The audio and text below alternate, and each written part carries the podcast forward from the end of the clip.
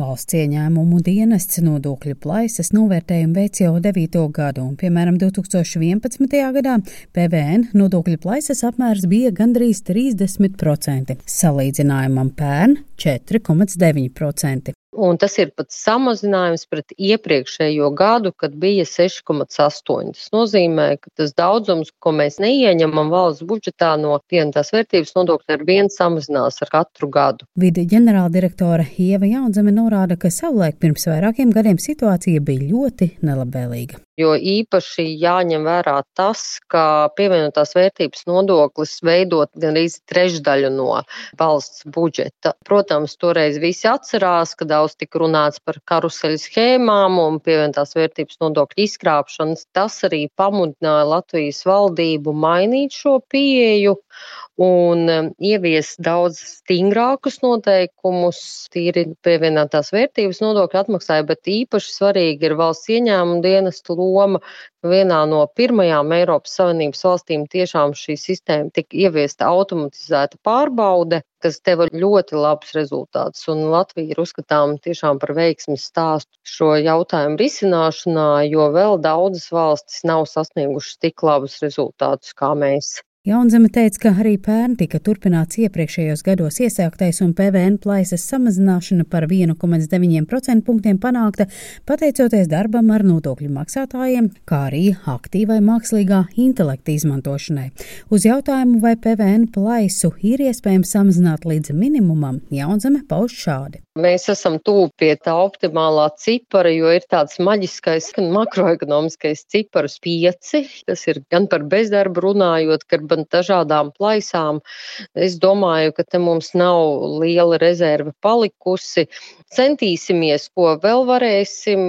Galvenā labā ziņa tiešām ir tā, ka tas nodoklis, kas veido trešo daļu no valsts budžeta, tiek eh, maksāts labi.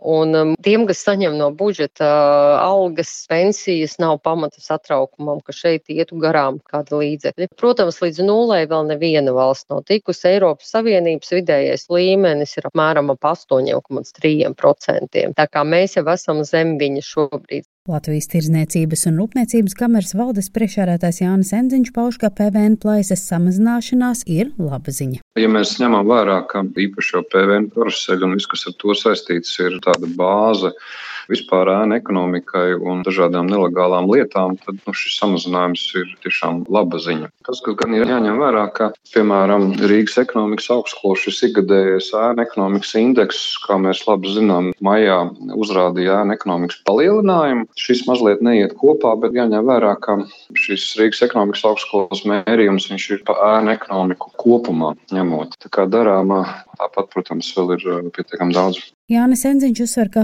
mazinoties PVN plaisai, aploksņu algām un ēnu ekonomikai godīga konkurence uzlabojas. Nu, jāņem vērā, ka pēdējie divi gadi bija ļoti raksturīgi ar Covid laiku, kad bija īpašs regulējums, ļoti apjomīgi atbalsta pasākumi, apjomīgi noteikumi, kuri bija jāievēro uzņēmējiem un uh, noķēra šo sajūtu, ka, ja es esmu mm, tur kārtīgi maksājis nodokļus un viss tur bijis pareizi un labi, tad attiecīgi es varu pretendēt uz atbalstu. Tā kā es domāju, ka šie faktori arī pieļauj, ka viņiem ir bijusi kaut kāda ietekme uz šo rezultātu. Arī darba devēja konfederācijas ģenerāldirektora Līga Mendelsona uzsver, jo digitālāka kļūstam, jo mazāka iespēja veikt nelegālas darbības. Domājot, droši vien, kas ir tie iemesli un veidi, noteikti tas ir šī elektroniskā rēķina.